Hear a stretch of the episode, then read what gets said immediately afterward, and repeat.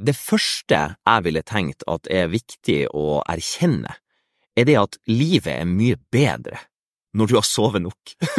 altså, jeg, jeg tenker, jeg husker, jeg husker min første sånn aha-oppdagelse om dette. Det, det, det er faktisk på ungdomsskolen.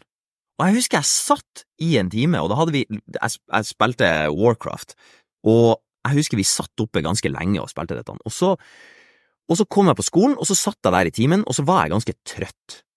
Men på en måte, det, det slo meg ikke før en eller annen gang der det hadde skjedd et eller annet, så hadde jeg liksom sovet lengre enn det jeg vanligvis brukte, og jeg satt på skolen og jeg tenkte wow, dette er mer interessant, det er mer engasjerende, det er mer artig å være på skolen, det er enklere, og alt det, liksom, det, det slo meg plutselig et lite øyeblikk, at kanskje det er fordi at jeg sover nok.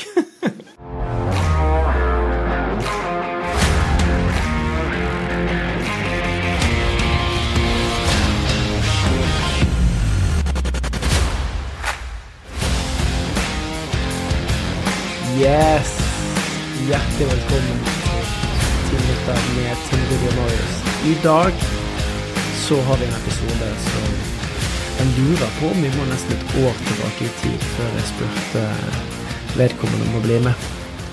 Og grunnen til at jeg spurte, er fordi at den som er på besøk hos oss i dag, han er jeg beskriver han som sånn human encyclopedia. Jeg kan ringe til han og så kan jeg spørre du, hvilken forsker var det som sa hva, og så får jeg den forskeren, og så får jeg i tillegg to andre som har ment noe av det samme, så får jeg kanskje en som er uenig, og så får jeg de referansene jeg trenger.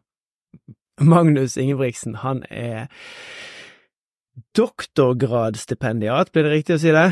Ja. Hva er det? Stipendiat er vel den korte, korte varianten. Ok, Doktorgradsstudent, tror jeg noen doktorgradsstudent. Høres veldig fancy ut når man sier det sånn. Det gjør det. Universitetet i Tromsø, og um, du kan jo sjøl få si litt hva det er du forsker om etterpå, men, men, før vi går i gang, så må jeg få lov til å dele en historie med dere som, som tar oss inn i temaet i dag, og temaet i dag, det er søvn. Første gang jeg møtte Magnus, det var tilbake i 2018-2019 og så hadde vi hatt en dag sammen i Trondheim, og på kvelden så var det fotballkamp. Eh, vi skulle ut på pub, ta noen pils, så skulle vi se Barcelona spille Champions League. Og eh, jeg lurer på om førsteomgangen akkurat var ferdig, og vi sto… hadde vel kanskje hatt oss to øl. Og så kommer Magnus bort meg etter å ha vært en tur på toalettet og sier du, Tim, eh, nå tar jeg og går til hotellet, jeg, og så går jeg og får meg noen kvalitetstimer med søvn. Og i det øyeblikket så ser jeg på han, og så inni hodet mitt så er den første tanken som kommer, fy faen, du er feig, ass, og går og legger deg tidlig. Og på den tiden der så, så var jeg, jeg levde under den overbevisningen at jeg kunne klare meg på fem timers søvn, og at det var feigt å gå og legge seg, og at hvis ikke du hadde gassen i bånn hele tiden, så, så vant du ikke. Og fire år senere så innser jeg jo at uh, Magnus sitt standpunkt rundt søvn allerede på det tidspunktet var det første frøet som ble sådd i meg, der jeg begynte faktisk å, å bli nysgjerrig på hvordan kan søvn bli en superkraft for meg. Hvordan kan jeg bruke søvn som en konkurransefordel i, ut i verden? Så det vil jeg eh, kreditere deg for, Magnus. Du er nok når jeg tenker tilbake, den første personen som gjorde meg oppmerksom på hvor viktig søvn var, og hvor mye du snakket om det på den tiden, det har gjort at jeg i dag sitter med Åra-ringen og måler nettene mine og skriver dagbøker for å perfeksjonere kvaliteten. Så gøy! hjertelig velkommen til oss, Magnus. Tusen hjertelig takk, det var veldig hyggelig å bli invitert, og sorry det tok så lang tid jeg har fått jeg har, jeg har, tre små barn, så hverdagen er litt sånn Ja, den, eh, den er litt Vi navigerer kaos, da. Men, eh, men akkurat nå så passer det perfekt, fordi at jeg har akkurat vært eh, inne og holdt noen forelesninger for profesjonsstudentene i psykologi på UiT, der vi har snakka om søvn. Og det er egentlig ikke mitt på en måte fagfelt sånn teknisk sett. Jeg er jo ikke klinisk psykolog. Jeg jobber med forskning og har en mastergrad i psykologi, men jobber egentlig mye mer med det jeg bruker å kalle normalpsykologi, altså normale, friske folk. Yeah. Og i den forbindelse da, så underviser jeg i læringspsykologi, for det er på en måte hovedtema på doktorgraden min, da, hvordan vi lærer best mulig, og hvordan vi får til å effektivisere læring. Eh, men, men søvn er et såpass viktig element for læring at eh, vi har nå en forelesning egentlig bare om søvn og hukommelse og læring i det emnet som handler om læringspsykologi da, for studentene. Og så før vi går i gang, og jeg, meg og Marius stiller alle disse spørsmålene som vi har forberedt og som vi lurer på, hva er det du forsker på nå? Nå forsker jeg på effektiv læring, og for å definere det, da, så er det egentlig læring som gjør det at vi sparer tid, læring som gjør det at vi kan få til å huske noe på ikke bare kort sikt, sånn som studenter typisk sett gjør når de pugger til en eksamen, og så husker de det til eh, tre uker etterpå, og så er det borte, men at det funker på lang sikt, og at vi får til å lære på en sånn måte at vi klarer å overføre læring fra ett domene til et annet, eller fra en kontekst til et annet. Så det er liksom viktig at når vi lærer noe, så klarer vi ikke bare å vi klarer ikke bare å, å, huske det til å svare på det samme spørsmålet som vi øvde på, for eksempel til en eksamen, men at vi klarer å overføre det inn i en eller annen situasjon. Så spesielt nå så har jeg gjort et eksperiment på sykepleierstudenter, der de lærer anatomi, fysiologi og biokjemi, og så har vi lagd ganske mye studiemateriale for å hjelpe dem til å øve med de teknikkene som forskninga viser at funker, og så ser vi hvordan det går med dem på eksamen, og håper forhåpentligvis på at det går veldig mye bedre med dem i studiene framover og sånt. Så det, det, er det jeg forsker på. Altså, det kan jo hende at vi spør om du vil komme på en, en senere anledning òg. Det er veldig, veldig spennende.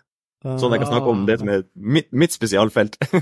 Men søvn har jeg egentlig bare det, det, er et tema som jeg har nerda over i mange, mange år, og jeg tror at jeg har vært, jeg vært søvnnerd før de fleste rakk å være det. Så jeg husker i 2012 så hadde jeg min første sånn EEG-måler, den som på en måte måler faktisk hva som foregår inni, inni hodeskallen på oss. Og, eh, og, siden den gang så har jeg egentlig vært litt sånn bitt av basillen, så lest det aller meste jeg klarer å komme over, og så nå etter hvert som jeg har begynt å liksom forstå mer forskning og sånn, så sitter jeg og leser forskningsartikler på temaet. Var det gjennom din interesse for læring at du ble introdusert for søvn, eller eh, hvordan eh, er det? Jeg tror søvn er et sånt tema som du kommer innom uansett når du er i litt sånn en eh, egenutviklingsprosess. Det er liksom, det, mm. det er bestandig noen som kommer innom det, og spesielt så er det, jeg tenker, man, man kan putte folk i enten altså i en av to kategorier. Det er de som, det er de som frivillig sover litt lite, og så har du de som ufrivillig sover eh, for lite. Og da tenker jeg at det skillet er liksom litt viktig, fordi at hvis vi tenker over at at uh, vi har lyst til å liksom tenke at vi skal optimalisere litt av hvordan vi lærer, hvordan vi jobber, hvor produktive vi er, hvor effektive vi er, kanskje, hvor gode vi er til å holde konsentrasjon over tid og sånt, så, så snakker vi egentlig til de som da frivillig kanskje velger å la være å sove, fordi at vi sitter og syns det er så spennende å sitte og se på en eller annen TV-serie sent på kvelden, eller at vi heller har lyst til å sitte ute og ta en pils. og det er, jo, det, er jo, det er, jo, lov av og til, men så er spørsmålet liksom, ja, men hva er kronisk, da? Hva er, hva er det som skjer hver eneste dag? Hvis du hver eneste dag går med jevnt over en time søvnunderskudd eller noe sånt, så vet vi det at du tilvenner deg det nivået, altså du føler deg ikke like sliten og trøtt hvis du bare går litt i manko på søvn, men vi kan måle prestasjonsforskjeller, og vi kan se at det er negative konsekvenser av det hvis man går sånn over lang tid, da. Og så mm. har du da den andre kategorien, som er de som sover altså ufrivillig lite. Og da snakker vi egentlig om søvnsykdommer eller søvnproblematikk som er eh, Det er viktig å behandle. Altså, det er en eh, Hvis jeg skal si én ting, da, til de som på en måte tenker om søvn, da, så er det det at hvis du er i den kategorien der at du ikke får til å sove, eller at du våkner veldig ofte, eller at du eh, våkner altfor tidlig, og du opplever det som om at søvnkvaliteten din er svært dårlig, så er det ei veldig god løsning på det.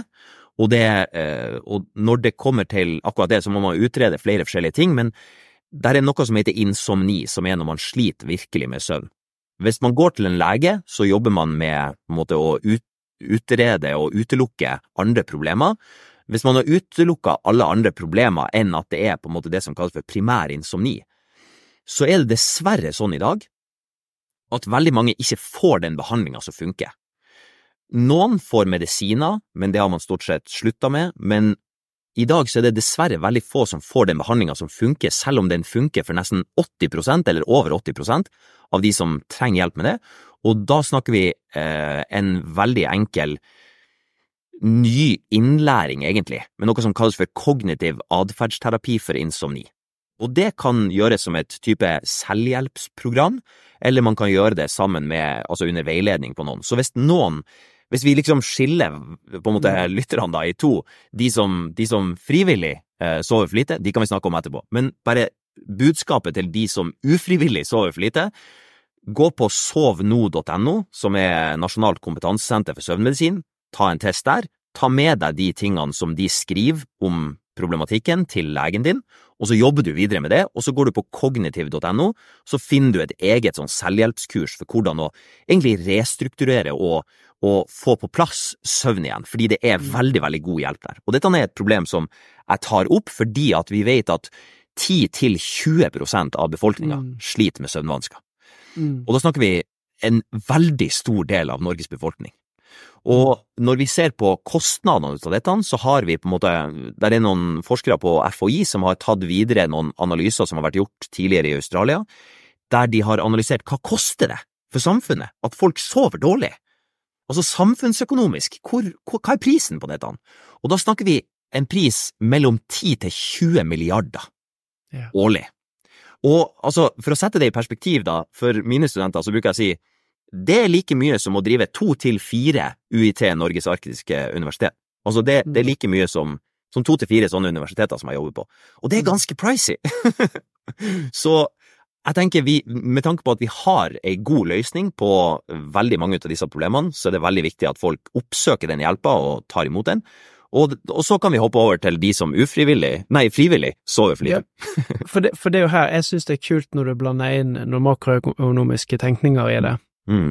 Og hvis du ser på Vi henvender jo oss og har lyttere i både i næringslivet, som er ute og er medarbeidere eller ledere, mm. og privatpersoner eller individer som har et ønske om å utforske seg sjøl og bli bedre. Ja. Og det er veldig interessant Uh, hvis du ser for deg et selskap med 500 medarbeidere.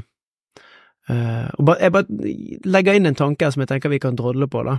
Sånn påvirkningskraften eller påvirkningsmuligheten en arbeidsgiver har for eksempel til å opplyse eller oppfordre medarbeidere til å investere i søvn. Mm. Når vi nå vet at eh, hvis du har en medarbeider som kommer på jobb og som høylytt sier at nei, jeg satt nå til to i natt og så Netflix, Mm. Ja, du kom deg på jobb, ja ja, det går fint å komme seg opp. Og så er mm. den personen da vant til sitt nivå, mm.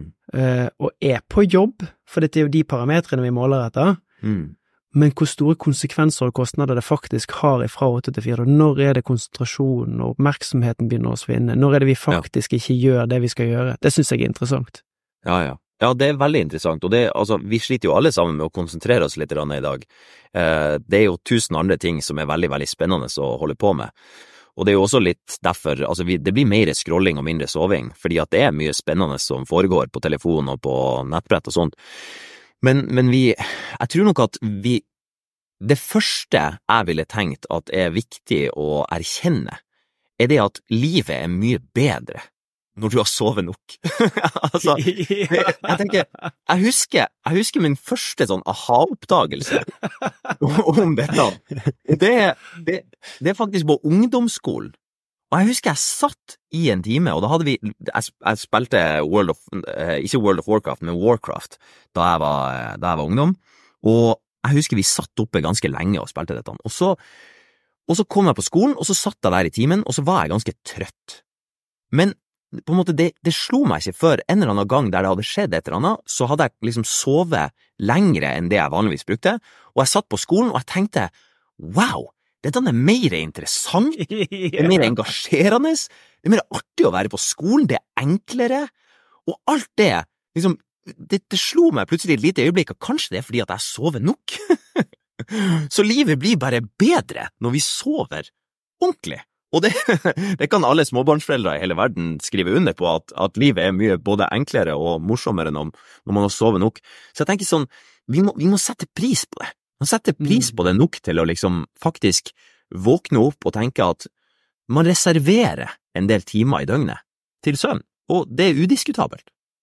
Og jeg tror at for de som lytter til denne podkasten, så har vi på en måte, vi har bygget en forståelse av at søvn er viktig. Mm. Eh, altså jeg har litt lyst til at vi skal snakke om to ulike deler sånn gjennom, gjennom praten. Det ene er hva er det du ser som hindrer oss i å faktisk ønske å gå inn i det som er så godt for oss, Mm. og det andre er hvis du kan, del med oss noen av disse konsekvensene av å velge å se én time Netflix lenger, eller den, den ene timen av underskudd i forhold til hva som er behovet. Mm. Og det, grunnen til at jeg spør det, er fordi at noen ganger så må vi skremmes til å ta de valgene som faktisk er bra for oss.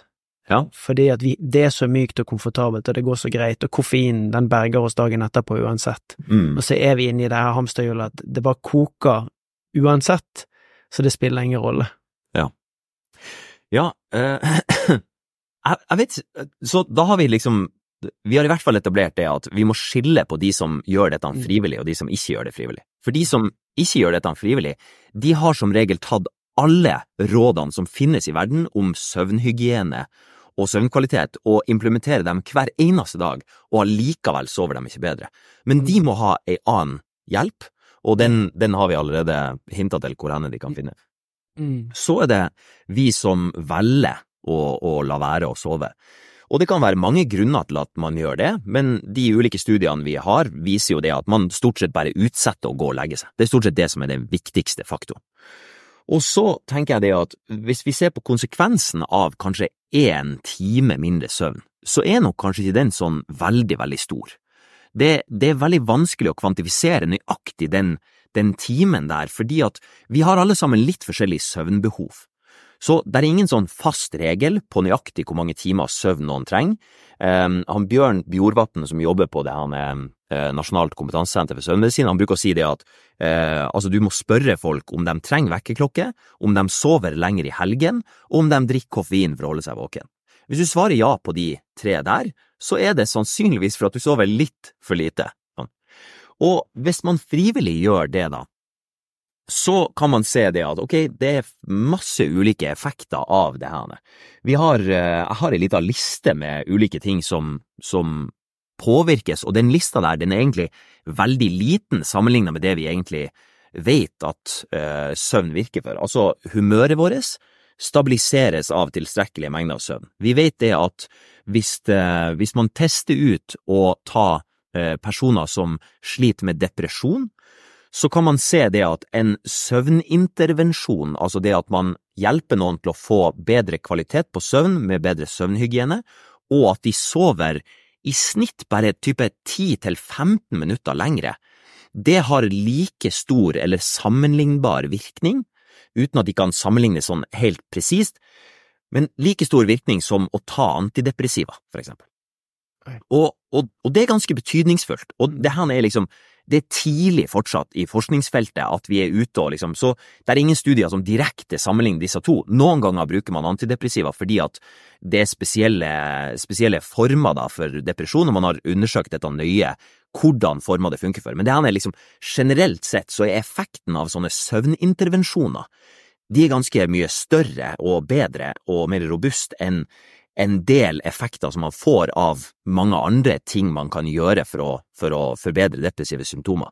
Sånn at man kan, man kan tenke at det her er medisin, rett og slett, og så i tillegg vet man jo det at um, sånn rent fysiologisk sett så påvirkes immunforsvaret vårt. Det, kom, det var mye blest om en studie for en del år siden, der man så det at hvis du fikk en vaksine, og så ble du tildelt enten ei kontrollgruppe som sov åtte timer, eller ei intervensjonsgruppe som sov kun fire timer, så ble immuniteten av den vaksinen der ble bare halvparten så stor omtrentlig fra den gruppa som sov eh, mye kortere.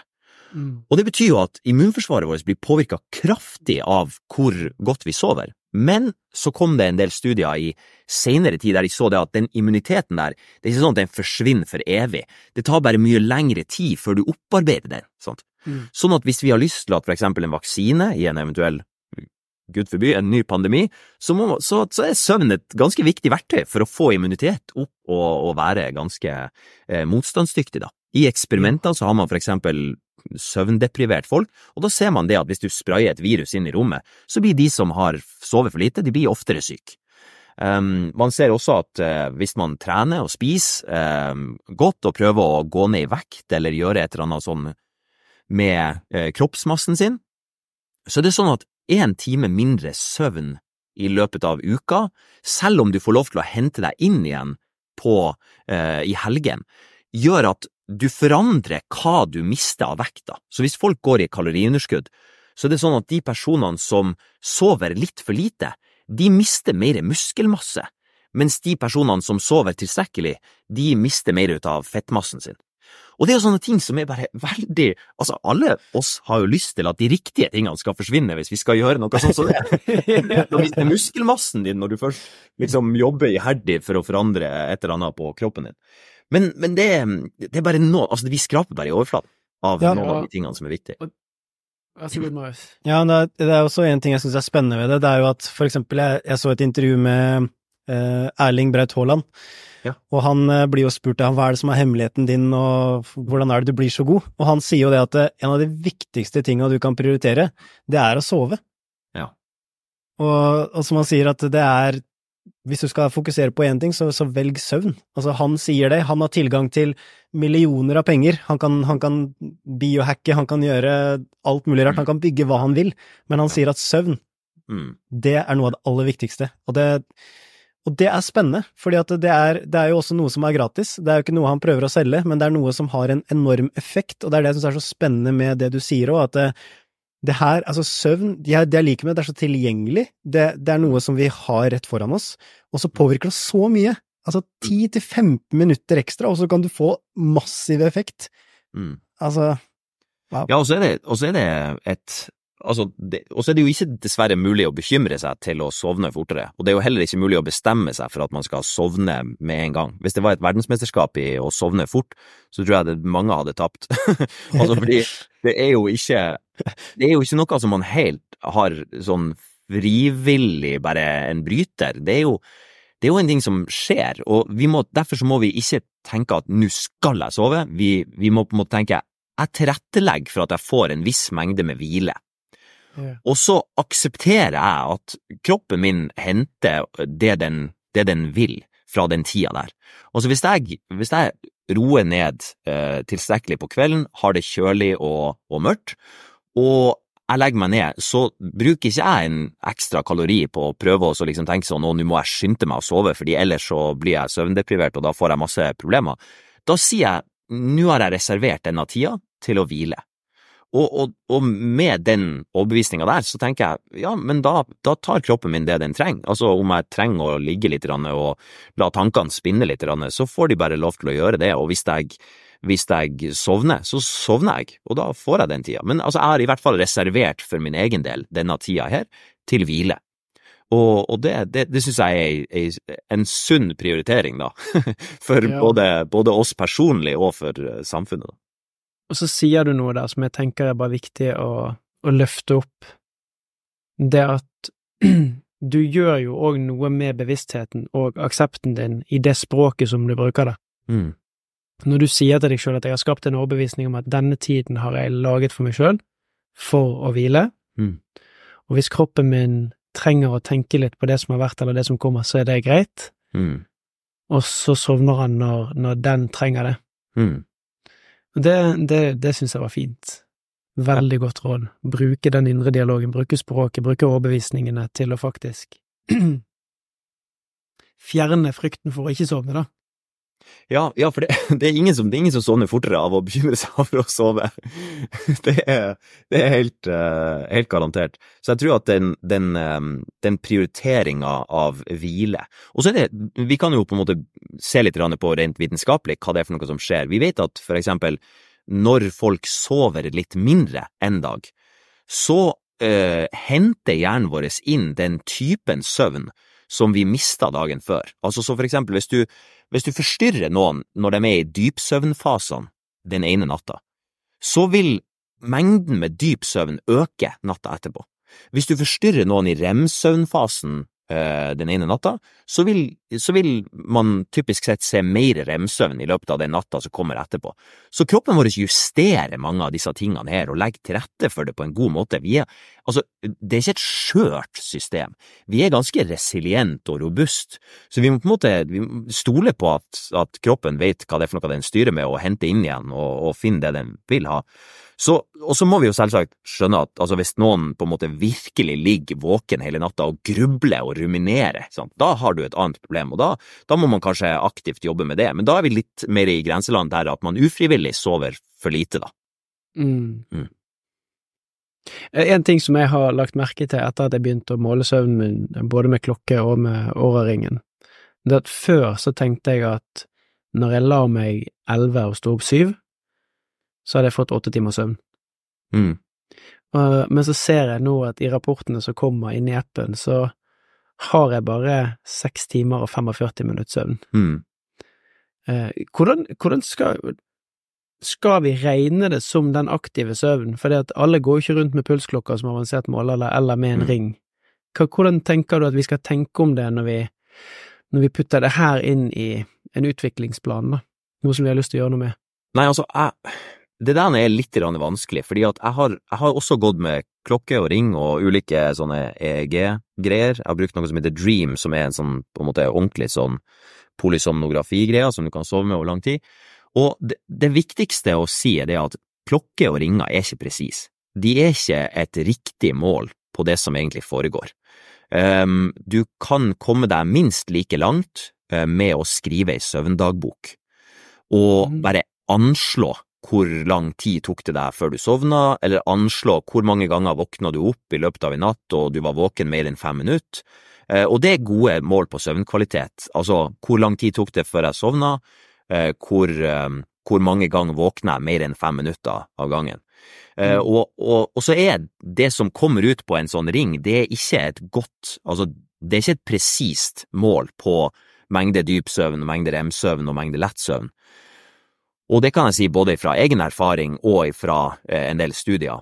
Men det er jo et hjelpsomt virkemiddel da, for å se over tid, tenker jeg spesielt, sånn trender, fordi hvis du ser bare hvor, hvor mange timer i senga har du, så tenker jeg det kan jo være en viktig sånn trend å følge med på, for hvis du ser at du regelmessig ligger på mindre enn syv timer i senga hver natt, og du sjøl opplever at du kanskje trives best eller trenger syv og en halv, åtte timer, du, og du på en måte ser det over tid, da, så tenker jeg at det er et sånn lite varsko for at du kan stoppe opp og reflektere over hvordan du prioriterer ting.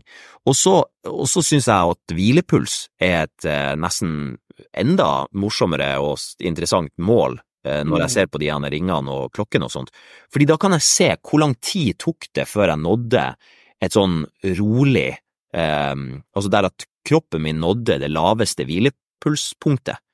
Hvis det tar meg veldig lang tid, så, altså at, at, jeg ikke når det før tidlig på morgenen, så vet jeg det at da har jeg vært så oppgira tidligere på dagen, eller at jeg har drukket kaffe, eller at jeg har vært og trent veldig seint, eller at jeg har drukket alkohol, som gjør det at det har, det har forsinka på en måte hvileprosessen, da. Mens hvis jeg treffer det altfor tidlig, så var jeg kanskje altfor sliten og utmatta og sånn, så at det, at det, skjer, at det blir litt sånn som en sånn slags hengekøye med pulsen at, eh, at, den går gradvis nedover, og så når den et bunnpunkt, og så går den gradvis oppover igjen. Sånn at man, man kan se på mer det som et mål på kvalitet. Da. Så jeg vil, ikke, jeg vil ikke henge meg opp i hvor mange timer den sier at jeg sover, men jeg vil liksom bare tenkt at oppleve over tid hva er det som gjør at du føler at du er skikkelig restituert, og hva er det som gjør at du føler deg uthvilt, og at du ikke sover så lenge at det gir deg kast i døgnrytmen til dagen etterpå. Fordi at hvis du sover litt for lenge, så blir det vanskelig igjen å gå og legge seg igjen dagen etterpå. Så noen ganger så trenger man på en måte en liten begrensning da på hvor lenge man sover for å opprettholde den samme rytmen hver dag. For vi vet at det å gå og legge seg til samme tid og stå opp til samme tid er en av de eh, tingene som gjør at vi får bedre kvalitet. Du, jeg har et spørsmål som jeg bare må stille deg. Mm. Uh, nå har jeg gått med denne ringen her, og den har kartlagt døgnrytmen min, mm. og sier at min beste circadian rhythm, det er å legge meg fem på halv tolv, mm. og stå opp fem på halv åtte. Og de gangene vi har eh, ferie, og vi ikke må ha barna på skolen til klokken er kvart over åtte, Mm. eller jeg ikke må jobbe, så forsøker jeg, så utforsker jeg hvordan det vil være, og da føler jeg meg så mye bedre. Når jeg følger den rytmen, så er jeg mer oppvakt, jeg er mer våken, jeg er mer energisk, jeg har mer fokus, jeg har mer glede. Og jeg nekter å tro at jeg er unik eh, i verken i landet eller i verden. Så denne døgnrytmen, da, for det, det tror jeg mange kan tenke når de hører at vi prater, denne døgnrytmen påvirker jo når vi blir trøtt. Mm. Det er vanskelig for meg å gå og legge meg mellom halv ti og ti. Ja. Hva, hva kan jeg gjøre, hvis du på en måte bruker meg som et eksempel, da, eh, for å sikre at jeg, jeg står opp ti på halv syv hver morgen? Det betyr at da er jeg liksom eh, en time bak allerede hvis jeg Ja. Så det, det viktige, og hvis vi tenker på akkurat dette eksempelet her, da, så er det sånn at det er to viktige faktorer som egentlig styrer søvnen vår. Det ene er døgnrytmen, som du sier. Det er en sirkadisk rytme, vi har en biologisk klokke, og den regulerer hva tid vi er mest årvåken, og hva tid vi er mest på en måte søvnig. Det er derfor man også blant annet ser, jeg tror, det, det her må sikkert faktasjekkes litt, men jeg tror at det er sånn at de fleste verdensrekorder er tatt mellom fem og syv på ettermiddagen. Fordi da er folk i den, det, den delen av den døgnrytmen da, der man er mest, eh, altså har høyest kroppstemperatur, og da er mest fleksibel, og kanskje også mest på en måte sånn atletisk, eh, liksom de der marginene er jo små da, men, eh, men i hvert fall så, så vi har på en måte en sirkadisk rytme. Og det andre som styrer søvn-våkesyklusen er søvntrykk. Og det er egentlig da et spørsmål om hvor lenge har du vært våken. Og jo lengre vi er våken, jo mer hoper det seg opp med et stoff i hjernen vår som heter adenosin, og det er det stoffet vi tror som gjør oss trøtt, blant annet. Og koffein, eh, en handy liten ting som hopper inn og tar plassen til adenosin på reseptorene i, i, eh, i hjernen vår, som gjør det at den, den, stopper på en måte adenosin sin effekt på å gjøre oss mer søvnige, da. Så Derfor er det sånn at når vi, eh, når vi tenker på et sånt eksempel som ditt, da, så vil jeg tenke to ting. Vi, vi styrer den der døgnrytmen litt ut ifra de rutinene vi har. Så du kan tenke deg det at både lys og rutine er de tingene som former om vi eh, om hvor henne den døgnrytmen vår der er. Fordi hvis du flytter til USA, for eksempel, så vil jo du endre den døgnrytmen etter ei ukes tid, og så vil jo du være på plass i en ny sånn fase. Og så, så da tenker jeg det at jeg ville sett på om det er sånn at rutinene og eh, liksom mengden lys og rutiner kan forskyves litt tidligere. Hvis det er sånn at du må opp tidligere enn det du egentlig typisk sett liker, kan du få de rutinene på ettermiddag, kveldstid og egentlig kanskje hele veien tilbake til på en måte formiddagen til å bevege seg litt tidligere, sånn at det går an å å, å, liksom å lure den døgnrytmen litt nærmere. Og så er det jo lys, da, men det er jo kanskje ikke så veldig mye å gjøre med det. Man kan jo alltids blokkere ut blått lys og sånne greier, men jeg tror kanskje det er litt, eh, det er litt hypa hvor mye det egentlig virker. Eh, men ja, Si litt om det, da. Hva, bare sånn, hva, hva er det grunnen til at du, du tenker det? Nei, Altså, De første studiene som kom på dette, det, det visste egentlig det at hvis du sitter med en iPad eh, i senga, så forstyrrer det søvn i liksom tre dager. Men den studien der har på en måte vært forsøkt gjentatt av andre forskere, og effekten er mye mindre enn det man så i de første studiene. Så det er nok derfor også det blir litt sånn det går litt sånn typisk sett i en sånn hype-syklus her, der at det er noe som får veldig stor effekt, og så snakker man veldig mye om det, og så kommer forskere, og så blir de sånn ja, men vent litt, Rane, hva skjedde egentlig her? Og så, og så graver de, og så finner de ikke en like stor effekt som det det var i første studiene. Så det er litt synd, da, men allikevel så, så ser vi det at altså mye blått lys eh, forstyrrer søvn, det vet vi. Det hindrer i hvert fall utskillelse av en del melatonin, som er det hormonet som er med å, å regulere denne søvn-våkesyklusen. Um, men, men på en måte hvis man setter på et blålysfilter og har en vanlig mobiltelefon uten at du sitter med liksom en kjempestor skjerm rett i øynene, så, tror jeg nok ikke det har veldig stor virkning. Så de fleste i dag sier det at de bruker telefonen den siste timen før de går og legger seg. Jeg tror at så lenge ikke alle lysene i huset står på og alt står på maks, så kan du fint bare justere ned lys og, og, og ha på blålysfilter og sånt, som kan hjelpe deg til å, til å nedregulere det. Men liksom alle de andre rutinene også er viktige. Altså, altså om, man, om man springer på trening, eller om man spiser et stort måltid, så vil det signalisere til kroppen vår at nå er vi egentlig i en sånn våkentilstand. Mens hvis vi reduserer på, på spising seint mot kvelden, hvis vi har en rutine som gjør det at vi er, oppfører oss ganske rolig, eller er rolig hjemme. Jeg mener sånn, å, å brette klær er et sånn prima eksempel på en ting som er dørge kjedelig, men som er veldig bra for å roe ned til, til å sove.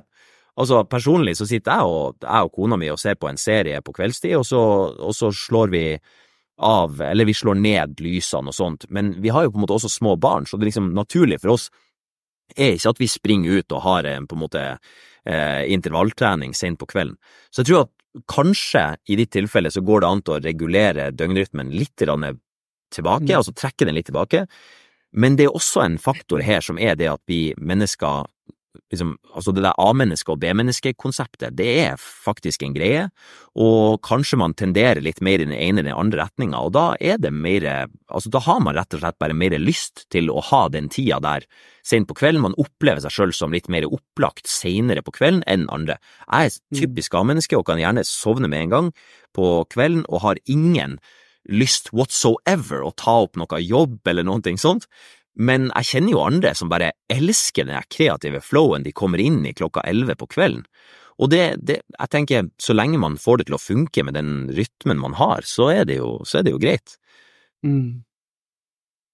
Jeg vet ikke om det var et svar i det hele tatt. Jo, kjempe, jeg synes det er kjempefint, sånn, for, ja. for vi, vi, trenger jo ikke å konkludere med noe, men det gir oss mm. Eh, et utgangspunkt for noen refleksjoner rundt det. Mm. Og det synes jeg er kjempenyttig.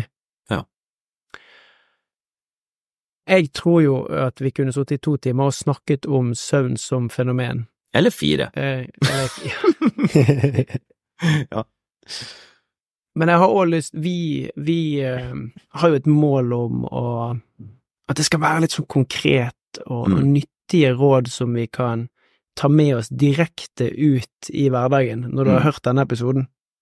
Og så har jo du sagt en del ting som jeg tenker vi kan hjelpe deg med å oppsummere. Jeg kan få si hva jeg har hørt. Ja. Um, det to, to siste tingene der syns jeg var interessant. Vær bevisst på når du spiser, mm. før du skal legge deg. Hva er regel, eh, hvis du skal ha en tommelfingerregel? Hvor mange timer før du legger deg? Vet du, det vet jeg ikke. Jeg, jeg har bare en hvis du tenker over hvor mye kalorier det er i en del ting som du spiser, så for eksempel ei plate av melkesjokolade, den er 1000 kalorier det, det, er veldig mye mat å fordøye for kroppen vår. Så hvis du spiser hel plate melkesjokolade før du går og legger deg, så kommer kroppen din til å måtte jobbe veldig mye for å liksom få plassert vekk de der kaloriene der. Um, og, og, og, hvis du spiser på en måte ei svær skål med salat, så vil det ikke være samme mengden med kalorier. Så det, liksom, det vil variere veldig på hvor kaloritett maten er, og hvor stor mengde det er. Sånn at, men jeg tenker det at altså de Ikke legg middagen rett før du skal legge deg, eller et stort måltid på en måte med veldig mye kalorier. Og skal du eh, spise melkesjokolade, så spis den tidlig på dagen. Ja, ikke sant, skal du spise en hel plate melkesjokolade, spis den tidlig. ja, eller i hvert fall kanskje, kanskje ikke spis hele plata rett før du skal sove. så, men jeg tenker kalorimessig så bare ikke veldig mye kalorier de siste to timene. Um, og så er det sånn at um, jeg tenker hvis du skal ha mer sånne konkrete tips, det der med koffein er jo et mm. viktig ting å, å se på. Fordi sånn som de nasjonale anbefalingene for koffein er vel kanskje maks 400 milligram på en dag. Og 400 milligram, det tilsvarer kanskje tre og en halv kopp kaffe, så liksom ikke overdriv mengden med koffein. Eh, men altså, for all del, jeg drikker kaffe, og det gjør aller fleste andre på jordkloden, så det gjør nok ingenting for å ødelegge søvnen din hvis du ikke overdriver det eller drikker det for seint. Mm. Nå skal det også sies at det er veldig stor variasjon i hvordan vi mennesker eh, bryter ned koffein. Sånn at man Altså, noen bryter ned koffein på én time, og noen gjør det på ni timer eller ti timer. Så det er veldig stor forskjell på halveringstida på koffein. Mm. Så det, det, kan folk liksom tilpasse litt individuelt, da. Men, eh, men, koffein tidlig på dagen, det har vi alle sammen hørt, og ikke altfor mye. Eh, det med å kjøle seg ned er jo også et, et uh, nyttig og sånn veldig praktisk verktøy. Hvis man skal forbedre søvnkvalitet, så synes jeg at temperatur er en av de veldig enkle måtene å gjøre det på. Altså, jeg har ei varmepumpe hjemme som jeg skrur i revers og får den til å kjøle ned eh, nederetasjen vår før vi skal legge oss. Og det gjør jeg fordi at jeg vet at da sovner jeg lettere, og jeg sover bedre. I tillegg så er det sånn at på sommerstid, nå kommer jo dette, denne podkastepisoden her ut sikkert på, på, nærmere vinterstid, da er det bare å åpne vinduet, men på sommerstid så kan det være litt vanskelig, og da bruker jeg å bare hive ut dyna, bruke bare et laken, ta ei halvannenlitersflaske med iskaldt vann, og så legger jeg den eh, ved siden av beina mine, eller imellom lårene mine, oppå lakenet, og da kjøler det meg ned superfort, som gjør det at det blir mye lettere for meg å sovne når det er varmt ute og varmt i ja. Tusen takk eh, for at du kom og delte de tipsa her, eh, Magnus. Jeg syns jo det her er bare ja, copy with pride, holdt jeg på å si. Det er bare å få det her på, og få søvnen på plass, for jeg tror at det kan påvirke kvaliteten ja, på livet vårt, på hjernen vår og på så enormt mange deler av livet som du har nevnt i dag. Alt fra humør til immunforsvar til eh, ja, hvordan, hvordan du har det. Så jeg syns det var utrolig spennende å lære, og jeg vet også at du kan enormt mye. Og at du også har en stor passion for læring og, og for forskning. Og det håper jeg også at vi får lov til å lære enda mer om. Så jeg vil bare si tusen takk, og oppfordre deg som lytter til å ikke bare lytte, men også ta i bruk disse rådene som du kommer med, som er forankra i forskning, som, som er utrolig sterkt å, å begynne å bruke. Så Tusen takk for at du tok deg tida og ville dele. Det betyr enormt mye, så tusen hjertelig takk. Sjøl takk. Det var veldig, veldig hyggelig å få lov til å være med.